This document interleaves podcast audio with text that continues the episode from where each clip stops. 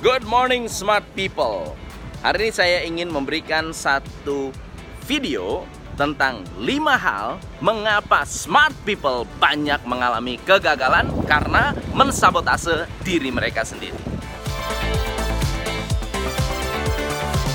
Yang pertama adalah smart people banyak sekali merendahkan skill yang bukan skill mereka. Misalnya kalau Anda adalah jago marketing, Anda akan meremehkan skill keuangan. Kalau Anda orang orang keuangan, Anda lebih uh, tidak peduli dengan skill-skill operation.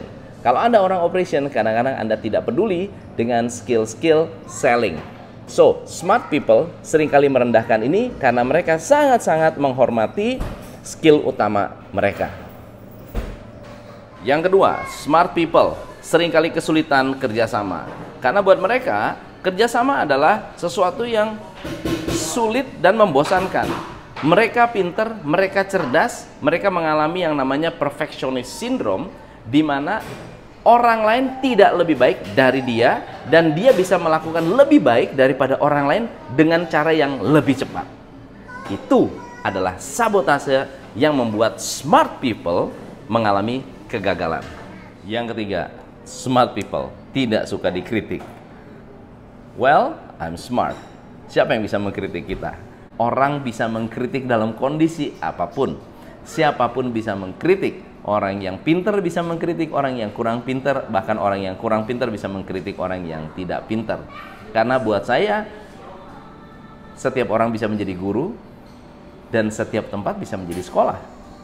So, ketika smart people tidak suka dikritik, ketika tidak suka diberi feedback, ketika tidak suka mendapatkan masukan, kadang-kadang ada hal-hal yang tidak nyaman didengar, tidak nyaman untuk dilihat, tidak nyaman untuk kita ketahui, kadang-kadang itu yang memang harus kita dengar. Kadang-kadang itu yang membuat kita berubah dan kadang-kadang itu yang bisa membuat kita sukses. So smart people, be careful ketika Anda atau saya kadang-kadang tidak suka dikritik. Yang keempat, smart people sering kali bosan ketika melakukan hal-hal yang basic. Dalam bisnis, dalam atlet, dalam memenangkan kejuaraan apa pun. Hal yang basic harus sangat-sangat luar biasa dikuasai. Kalau tidak, kita akan kehilangan momentum untuk melakukan improvement yang lebih baik. So, smart people nggak suka hal-hal basic nggak suka hal-hal yang sifatnya simple, nggak suka dengan hal-hal yang sifatnya sangat-sangat uh, practical, straight to the point. Mereka suka hal-hal yang rumit, mereka suka hal-hal yang kompleks, mereka suka hal-hal yang canggih, mereka suka hal-hal yang out of the box.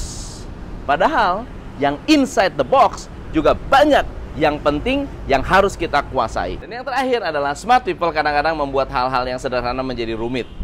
Kadang-kadang just saying I'm sorry sudah menyelesaikan masalah. Nggak perlu memberikan penjelasan yang rumit, nggak perlu membuat tesis, nggak perlu membuat sebuah argumen. Just say I'm sorry and finish. So hal-hal yang rumit tidak diselesaikan, hal-hal kecil dirumit-rumitkan. Hal-hal yang harusnya bisa diatasi dengan sederhana tapi tidak diselesaikan atau bahkan diperbesar. Hal-hal yang besar hal-hal yang harusnya dipikirkan lebih serius itu menjadi kelewatan.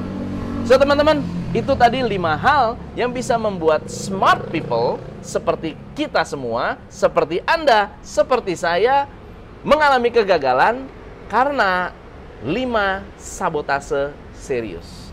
So thank you so much. Semoga bermanfaat saya Tom MC Play, salam pencerahan. Hanya di Coach Indonesia.